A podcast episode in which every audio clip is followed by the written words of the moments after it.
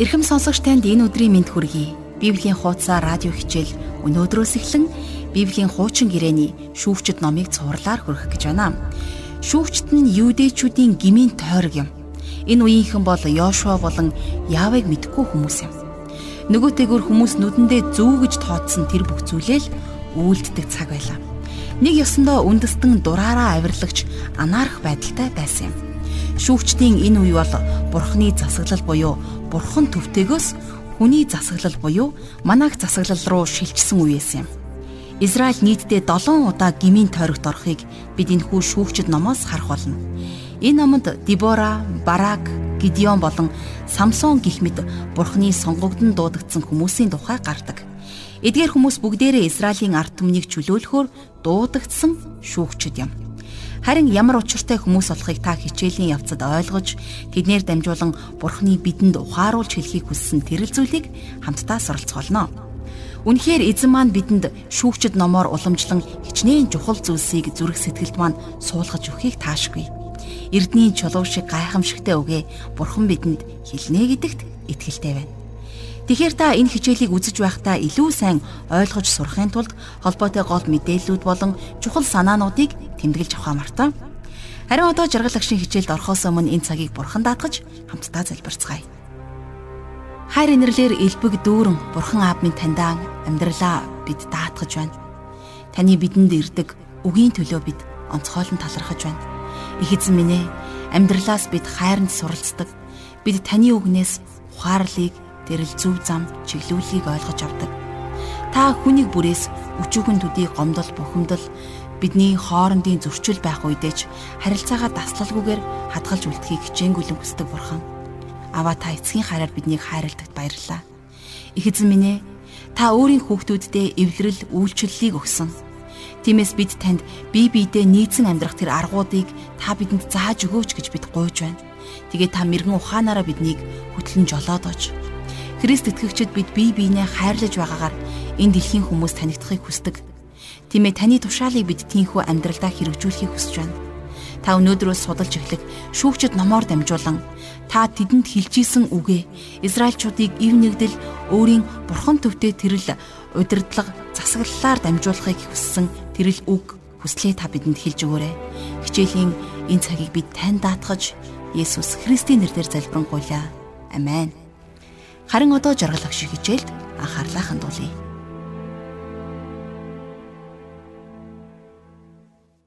За тэгэхээр өнөөдрөөс эхэлж бидний хамтдаа судлах шүүгчд ном бол за Йошуа болон Израилийн хаадын үеийн хоорондох гол түүхэн холбоос болдгороо ихээхэн онцлогтой ном юм. Шүүгчдийн цаг үе бол ойролцоогоор манай эртний өмнөх 1375-аас 1050 он буюу За Израиль нь овгуудын холбоо маягаар байсан тэр үеийн түүхийг өгүүлдэг. Бурхан энэ номонд 13 шүүгчдийг дурдсан байдаг. За тэдгээр шүүгчд нь цэргийн удирдагчид иргэний шүүгчдийн үүргийг гүйцэтгэдэг байсан. Олон шүүгч нөлөөлөх хүрээгээр овгийн хэмжээнд үлдсэн байсан бол за зарим нь Израилийн бүх нутаг даяар үйлчилж байсан юм. На түүхийн хувьд шүүгчд ном нь Йошуагийн үхлээс Самуэлийн цаг үе хүртэлх амлагдсан газар дах Израилийн гол тэмдэглэл болдог. Харин теологийн хувьд болвол энэ ном нь амлагдсан газар суурьсны дараах овгуудын сүнс, ёс суртахууны уналт бууралтыг бичсэн байдаг. За мөн түүнчлэн Израиль эзэнтэй тогтоосон гэрээгээ мартаж, оронд нь шүтэн шүтэж, ёс бус байдлын замаар явхад бэлэн болсон сөрөг үр дагавруудыг тодор харуулах болно. За тэгэхээр энд нэг зүйлийг онцолж хэлэхэд шүүгчд номын бичигч нь тодорхойгүй байдаг. За энэ ном агуулгынхаа хувьд дараах цаг хугацааг хамардаг. За тус номын бичлэлт нь Эли болон Самуэлийн үед гэрэний авдрыг Шилогоос зөөсний дараа болсон. Энэ үед Израильд хаан байгаагүй гэж шүүгчдийн талаар бичигч нь олон удаа өгүүлсэн байдаг. А гэхдээ энэ ном бичигдсэн үед Израилийн хааны угсаа аль хэдийнэ оршиж байсныг бичигчвэр дахин санал болгосон байдаг. Тэгэхээр эдгээр таамгууд нь тус ном Саул хаанчилж эхэлсний дараахан тухайлах юм бол манай эртний өмнөх 1050 он. За бас Давид хаан Иерусалимыг эзлэхийн өмнөх манай эртний өмнөх мянган оны аль нэгэн цаг үед бичигдсэн гэдгийг харуулж байна. Тухайн он цагийн бүх шүүгчид Абиас чадварынхаа хувьд хязгаарлагдмал хүмүүс байсан.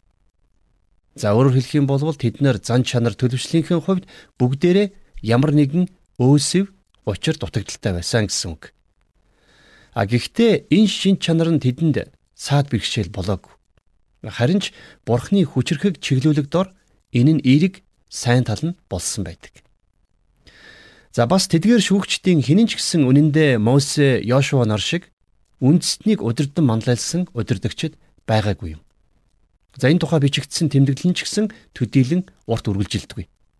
Харин үндэстний хязгаарлагдмал нэг хэсэг дэх орон нутгийн шүүгчийн талаарх янз бүрийн баримт олонтаа дурдгдсан байдаг. Ер нь бурхны гайхалтай нэгүсэл бол шүүгчд номын гол агуулга баг юм. За Скофилдийн Библийн шин тайлбар номон дээр шүүгчд номын сэдвийг ялагдал ба чөлөөлөлт гэж тодорхойлсон байдаг. Тэгэхээр энэ нь энгийн хэрнээ маш оновчтой тайлбар болсон гэж би хувьдаа боддгийн. За бас энэ номыг онцолдог өөр нэг тал бий. А энэ бол урам хугаралт. Тэгэхээр энэ тухай жаахан дэлгэрүүлж ярилцъя л та. Израилийн хүүхдүүд амлалтын нутаг руу маш их найдвар, элбэг хангалуун байдлын хүлээлттэйгээр орсон. Эдгээр хүмүүсийг тэр нутагт цаахан амьдралыг олж аваад газар нутагтаа ч гэсэн өөрсдийн амьдралдаа ч гэсэн ялалт байгуулсан гэж та бодож байна уу? Тэгэхээр ийм их хүлээлттэйгээр амлалтын газар руу орсон учраас тэд нэр Египтээс чөлөөлөгдөн 40 жилийн турш цөлөөр Бурхны хүч чадал чиглүүлгийн дор гайхалтайгаар туулсан явдал байсан. А гэтэл үнэн дээр нөхцөл байдал тэдний сансанчлан байгаагүй. Тэд нэр жигшүүртэйгээр бүтлгүйтсэн. Ялагдлын ардаас гутамшигтай бас нэгэн ялагдал тэднийг хүлээж байсан. За шүүгчд ном бол түүхийн нэгэн гүн ухаан гэдгээрээ бас онцгой байдаг.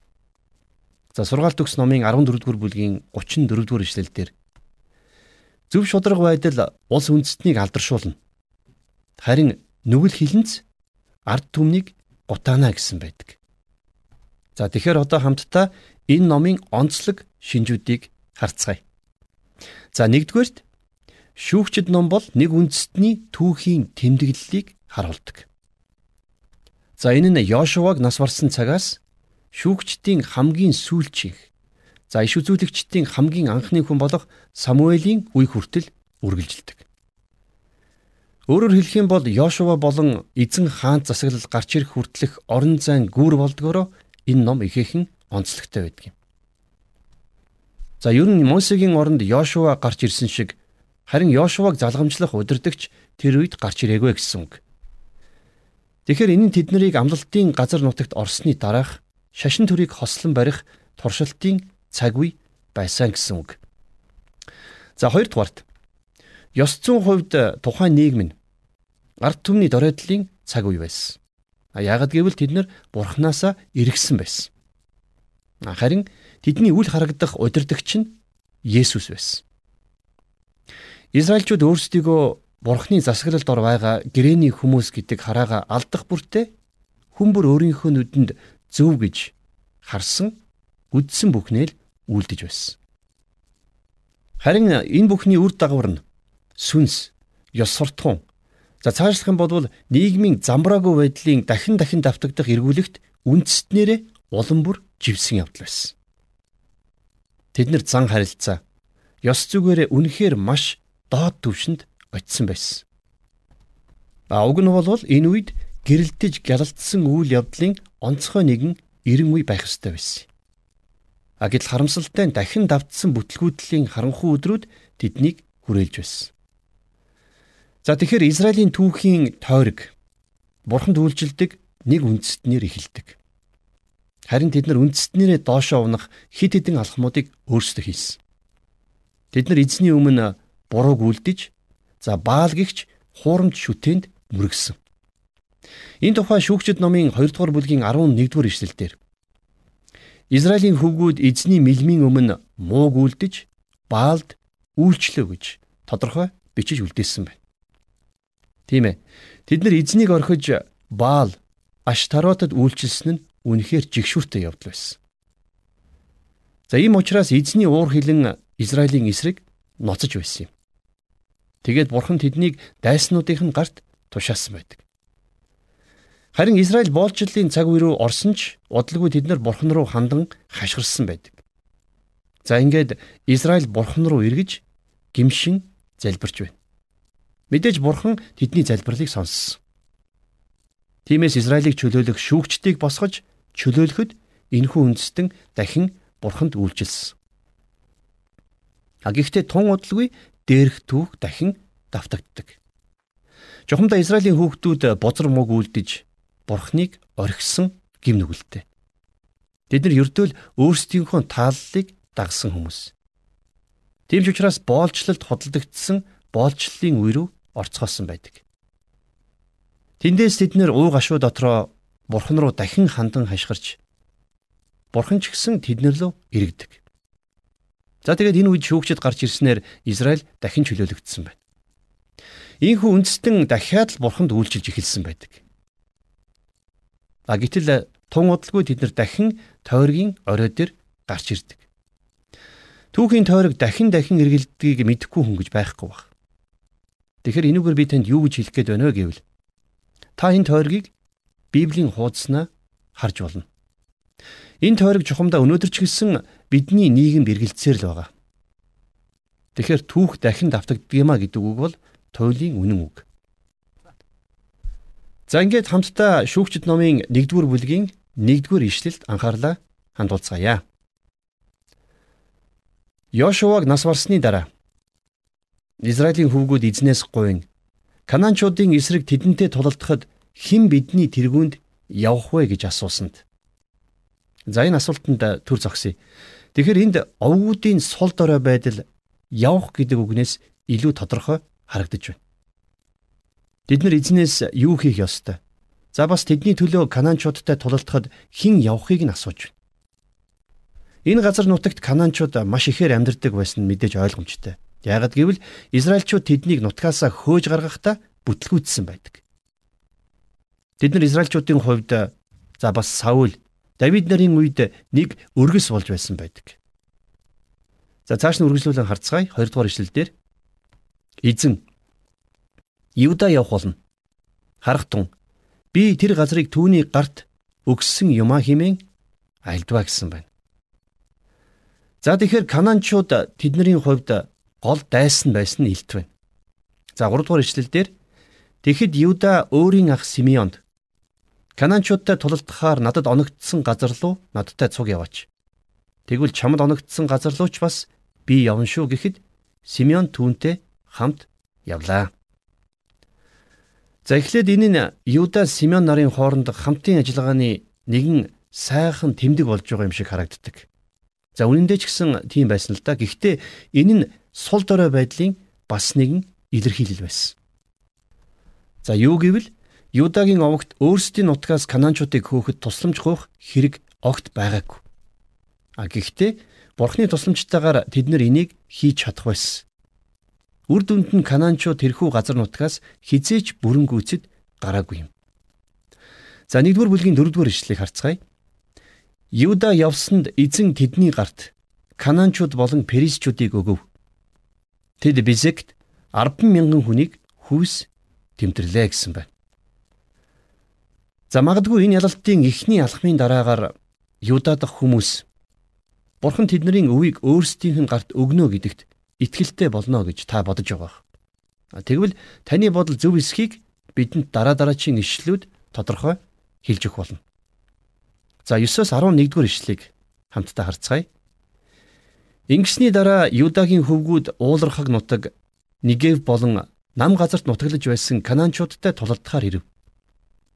Тэнхүү Юда Хебронд амьдардаг байсан Канаанчуудын эсрэг хөдлөлөө.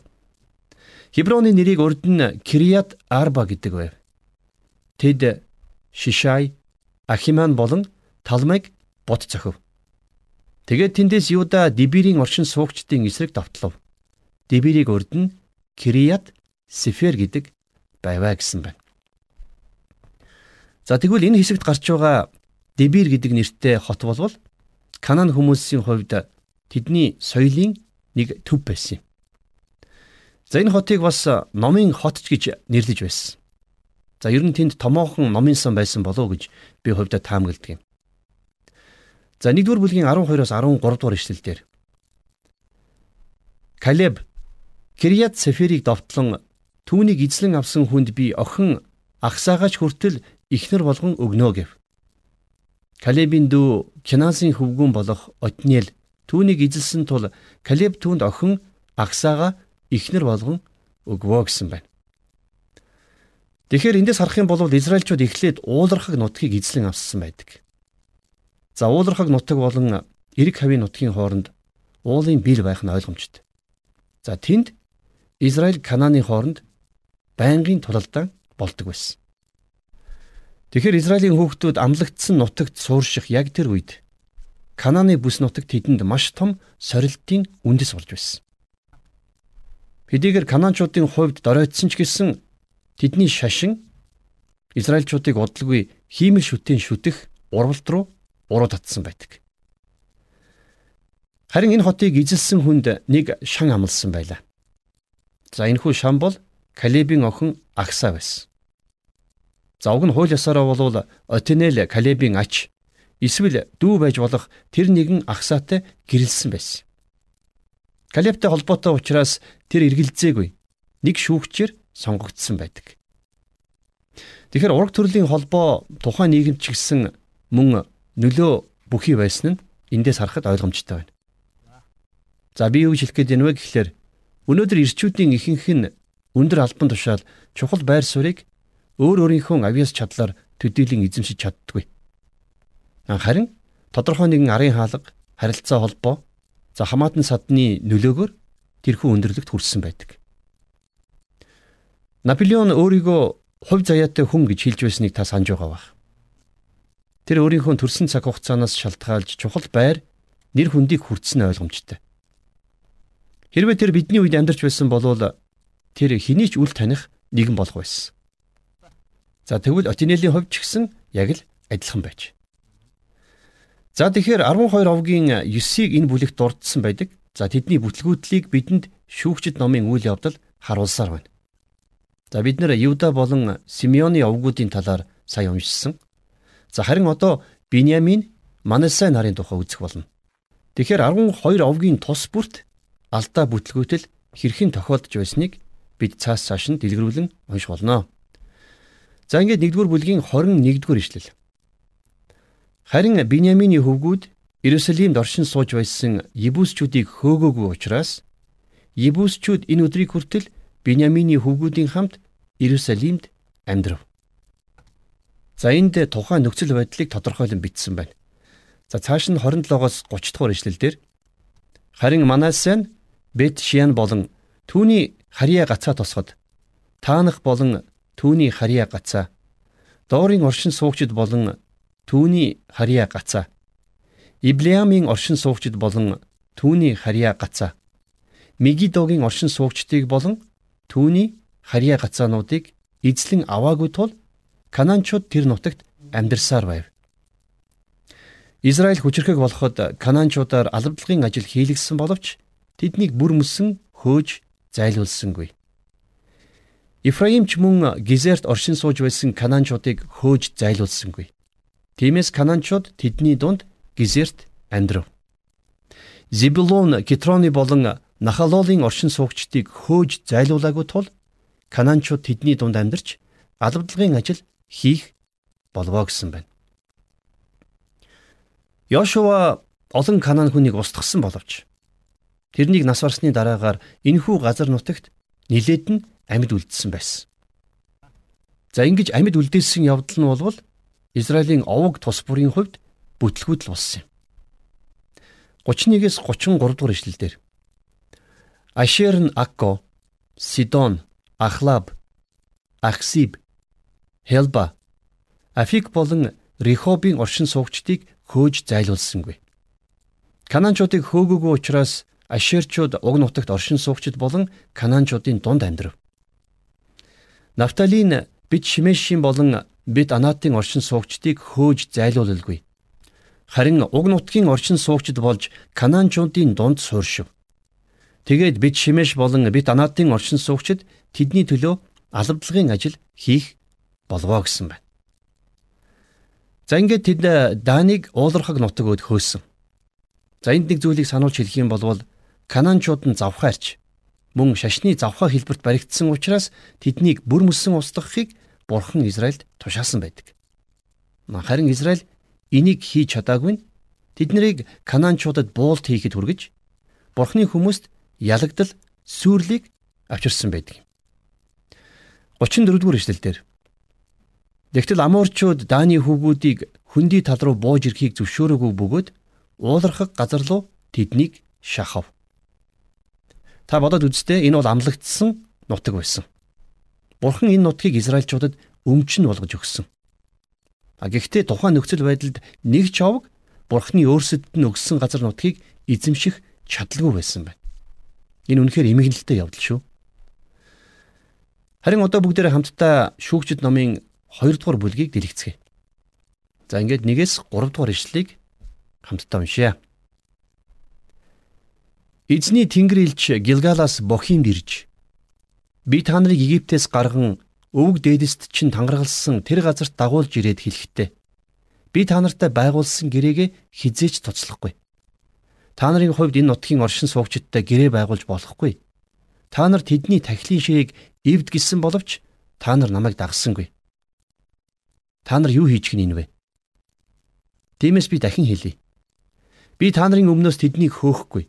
Харин тэд хажууд чинь үүргэн мэт болж тэдний бурхад та нарт урих болно гэж айлдав гисэн гэсэн байна. За энд гарч байгаа эзний тэнгэр илч гэдэг нь Христийн өмнөх биелэлээс өөр хинч бишээ гэдэгт би итгэж байна. Бурхан хүний ой ухаанд ойлгогдож чадах нэг байдлаар үзэгдсэн байх. Хэдийгээр тэр өөрийн хүмүүсийн хэрэгцээг үргэлж хангаж байсан ч гэсэн тэд нэр Бурхны дуу хоолойнд дуулууртай хандаж чадаагүй. За энэ бол Израилийн түүхийн тойргийн эхлэл байсан. Тэд нар Бурхнаа орхиж гим нүгэл үлдэн гимшил дотор түүн рүү иргэн Бурхнаар аврагдах тойргоо давтсан. Томилогдсон шүүгчд Бурхан руу дуулууртай байх руу иргэдэг. За ингээд бид Бурхан шүүгчдийг босгож байгаа тухай за 2 дугаар бүлгийн 16 дугаар ишлээс эхлэн унших гэж байна. Тэгэд эзэн шүүгчдийг босгож тэднийг тонуулчдын гараас аврав. За шүүгчд Израилийг сүнсний болон ёс суртахуун нийгмийн талаар дороотолд орох үед цэрэг дайны за бас овгийн удирдагч болон гарч ирж үйлчилсэн байдаг. Үндэстэн мөхөл сүрлийн ирмэгт ирэх бүрд Бурхан тэднийг чөлөөлөх нэгэн шүүгчийг босгодог байсан гайхамшигтай. Энэ үйл явдлын талаар цааш нь ярилццгаая. За тухайн үед Израилийн хүүхдүүд өөрсдийнхөө дунд амьдарч байсан Канаан, Хит, Аморит, Перез, Хивит, Ибусчуудтай гэрлэж байсан. Израиль бол үнэхээр жигшүүртэй гим нүглийг хийсэн ард түмэн. Тэд нар өөрсдийн бурхныг мартаж Баал химэх худал шүтээнд үйлчилсэн. За гисэн хэдий ч бурхан тэднийг боолчлолоос чөлөөлсөөр л байсан. Бурхан өөрийнхөө хүмүүсийг гимшиж өөрлөө нэргэсний дараагаар тэднийг чөлөөлөхийн тулд тэдний төлөө шүүгчдийг дуудан босгож байсан юм. Тэдгээр шүүгчт нь удирдгчийн шилдэг чанаруудыг эзэмшсэн байгаад Бурхны тусламж хүчээр агуу амжилтыг олдог байсан. За ингээд анхны шүүгч болсон Отинел тэднийг чөлөөлөхөөр дуудагдан гарч ирсэн. За түүний хувьд Калибын үеэл за түүний охинтой гэрэлсэн. За хоёр дахь шүүгч Ихуд Израилийг Моабын хаан Иглоноос чөлөөлөхөөр гарч ирсэн байдаг. За түүний онцгой шин чанар бол тэрээр солгой хүн байсан. Тэр түүнийг нуусан жадаа мэддэгдүүлэхгүйгээр хааны оршихуйд орох боломжийг түүнд олгож байсан. За харин Шамгар болвол 3 дахь шүүгчээр сонгогдсон хүн байсан. За тэр сарлаг туухта гаргууд нэг юм байж. За тиймдээч Израилийг чөлөөлөхийн тулд филистинчүүдтэй тулалдахдаа энийгэ зэвсэг болгон ашигласан байдаг. Бурхны ашигласан бүх шүүгчд ямар хачирхалтай шин чанартай тахир дутуу эсвэл гажигтай тийм хүмүүс байсан нь миний сонирхлыг ихээхэн татдаг юм. За энэ түүхийг цааш нь үргэлжлүүлэн 3 дугаар бүлгээс дэлгэрэнгүй үздэцгээе. За шүүгчд номын 3 дугаар бүлгийн 1-ээс 3 дугаар ишлэл. Эдгээр нь Израилийг сорихоор эзний үлдээсэн үндэстнүүд юм. Израилийн хүүгүүд Канааны тулалдааныг мэдэхгүй хүмүүс билээ. Энэ нь зөвхөн урд нь тулалдааныг мдээгүй Израилийн хүүгүүдийн тэр үеийнхэнд тулалдааныг зааж мэдүүлэхийн тулд юм. Эдгээр үндэстнүүд нь гэвэл Филистийн таван ноён, бүх Канаанчууд, Сидончууд, Баал Хермоны уулаас Либо хамаад хүртлэх Ливаны ууланд сууж байсан Хивичүүд юмаа гэсэн байна. За тэгэхээр Израильчууд Канаан, Хит, Аморит, Перес, Хивит за Ебүсчүүдтэй гэрэлсэн байсныг бид мэднэ. Хэдийгээр бурхан хатуу хоригдсон ч гэсэн тэд нэр бүх овгуудтай гэрэлсэн байсан. За бидний саяхан уншсан хэсэгт дурдсан Филистийн таван ноёд болон за бусад овгууд нь бол Израилийн хамгийн гол дайснууд байсан юм. Хуучин гэрээ номыг судлах үед эдгээр дайснууд үе үе гарч ирж байгааг бид нар хардаг. За тэд нар Израиль үндэстний хувьд үнэхээр өргөсөн болсон байсан. За цааш нь харъя. 3 дугаар бүлгийн 5-аас 7 дугаар ишлэл. Израилийн хүүгүүд Канаанчууд, Хитчүүд, Аморчууд, Перисчүүд, Хивичүүд, Ибүсчүүдийн дунд амьдарч тэдний октыг өөрсөддөө ихнэр болгон авч өөрсдийн октыг тэдний хүүгүүдэд өгч тэдний бурхтад нь үйлчлэв. Израилийн хүүгүүд эзний мэлмийн өмнө мууг үлдэж өөрсдийн бурхан эзнийг умартан Баал болон Аширотод үйлчлвэ гэсэн байна. Канаанчуудыг газар нутгаас нь бүр мөссөн хөөхийн оронд Израиль тэднийг тэнд нь үлдээсэн. За бүр тэгээ тэдний бүх зүйлээс нь хуваалцсан байна. Өөрсдийнхөө итгэл үнэмшлийг хадгалж бурхандаа үйлчлэхийн оронд тэд нар канаанчуудтай гэрэлж тэгэд улмаар тэдний шашны итгэл үнэмшлийг хүлээн авсан нь үнэхээр жигшүүртэй явдал байсан. Ингээд Израилийн хүүхдүүд урвалтын нэг үе рүү хазаасан байна. За юу болж байгаа талаар цааш нь 8 дугаар ишлээс харцгаая. Тэгэхэд эзний уур хилэн Израилийн эсрэг шатаж тэр тэднийг Месопотамийн хаан Хушан Ришатимийн гарт тушаав. Израилийн хүүгүүд 8 жил Хушан Ришатимд боолчлогдвоо гэсэн байна. Тэгэхээр Израилийн шүтэн шүтэх байдал нь ийм шийтгэлд хүргэсэн юм. Бурхан тэднийг 8 жилийн турш боолчлолд худалдсан. За 8 жилийн туршид тэд нэр бурхан руу тусламж хүссэн хашгирах хэмжээнд хүртэл дарлагдсан байлаа. За ингээд бид нар одоо анхны шүүгч Отинелтэй уулзах гэж байна. За шүүгч номын 3 дугаар бүлгийн 9 дугаар ишлэлийг хамтдаа уншицгаая. Израилийн хүүгүүд эзэнд хашгиран гуйсанд эзэн тэдний төлөө тэднийг аврах нэгэн чөлөөлөгчийг босгосон нь Калебийн дүү Киназийн хөвгүүн Отниел байваа гэсэн байна. Бурхны зүрх сэтгэл үнэхээр нэгүүлсэнгүй гэдгийг энэ хэсэг биднэрт маш тодорхой өгүүлдэг. Израилийн хүүхдүүд Бурхан руу чөлөөлөхийг хүссэн хашгирах үед Бурхан Отниелийг тэдний анхны шүүгчээр томилон босгосон байна. Бурхан өөрийн хүмүүсийн гимшлийн хашгираанд хариулахдаа үргэлж бэлэн байдаг өршөөнгүй нэг юм. Тэр нэгүслэрээ өөрт нь итгэх итгэлээр дамжуулан шинээр эхлэх боломжийг та бидэнд өдөр болгон өгч байдаг. За 3 дугаар бүлгийн 10-аас 11 дугаар эшлэлдэр Эзний сүнс түүн дээр ирж тэр Израилийг шүүв. Түүнийг тололтохоор явхад Месопотамийн хаан Хушан Ришатимыг эзэн түүний гарт өгөв. Ингиж тэр Хушан Ришатимыг дарваа гэсэн байна. За цааш нь уншийе. Дараа нь Киназын хөвгүүн Отнелийг нас эцэтэл нь газар нутгийн 40 жил амар тайван байжээ гэсэн байна. За эндээс харах юм бол Отнел анхны за бас сайн шүүгчдийн нэг байсан байна. Тэрний эсрэг чиглэсэн ноцтой шүүмж юу нь байдгүй гэхэд болно. Тэр өөрийн хүмүүсийг Хушаан Ришатимийн дарлалаас аварсан. За тэрний харин хийж чадаагүй цорын ганц зүйл нь өөрт нь байсан. За онцолж хэлэх юм бол тэр өөрөө өөрийнхөө 90 санд гоцсан өдөртөгч болоогүй. Харин тэр Калебийн ач байсан. За Калебийн охинтой гэрэлсэн учраас арын хаалгаар өдөртөгч болсон гэхэд болно. А гэхдээ Бурхан тэрнийг өөрийн хүмүүсийн авралын төлөө ашигласан байна. Тэр сайн зүйлийн төлөө Бурханд ашиглагдсан байна. Тэгэхэр вэ штэ. Бурхан үйлчлэлдээ ямар хүнийг ашиглаж байгаа нь үнэхээр гайхалтай байз. Магадгүй энэ нь бурхан яагаад та биднийг ашигладаг шалтгаан болж байгаа юм. Тэм учраас энэ номноос бид нэр маш их урам зориг авах болно гэж би итгэж байна. Олон зүйлээс суралцах боломж бас дүүрэн байгаа гэдгийг би танд чухалчлан хэлье. За энэ бол Бурхны бидэнд өгч байгаа үнэхээр том ивэл юм шүү. За тэгэхээр одоо тэдгээр шүүгчид яг ямар хүмүүс байсан талаар хэсэгхэн ярилццгаая. За ер нь бол бүх шүүгчид өчүүхэн хүмүүс байсан байдаг. Тэдний дотор ямарваа нэгэн агуу хүн байгаагүй. Эдгээр ирчүүд тун хачин хачин шин чанартай байсан болохоор бурхан тэднийг ашигласан гэдгийг би хэлэх ёстой. Тэдний энэ хачин байдал нь үнэндээ бурханд ашиглагдахад хүргэсэн гэж ойлгож болно. За Отниелийн товч намтар нь тэр бол Калебийн дүү Кинасын хүү байсан. За бурхны сүнс түүн дээр ирсэн.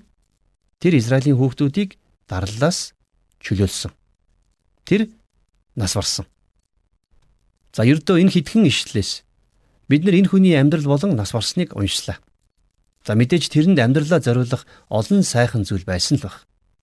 А гэхдээ яагаад ч юм тэрний амьдралтай холбоотой ямар нэгэн сонирхол татах гой сайхан зүйл энд бичигдэж үлдээгүй байна. За ер нь бол Библиэд ихэнх хүний намтар нэг иймэрхүү байдаг. Тэгэхээр Отниел бол игэл жирийн л хүн байсан. А гэхдээ бурхан тэрний игэл амьдрал руу өөрөө орж ирсэн. Тэр бурхны үйлчлэлийг үнэхээр сайн хийсэн. Тэгэхээр бурхан бидний игэл амьдралч гисэн бас хурж өөрийн ажлыг үр бүтээлтэй болгож чадах агуу бурхан юм а гэдгийг та бид нар ойлгох хэрэгтэй.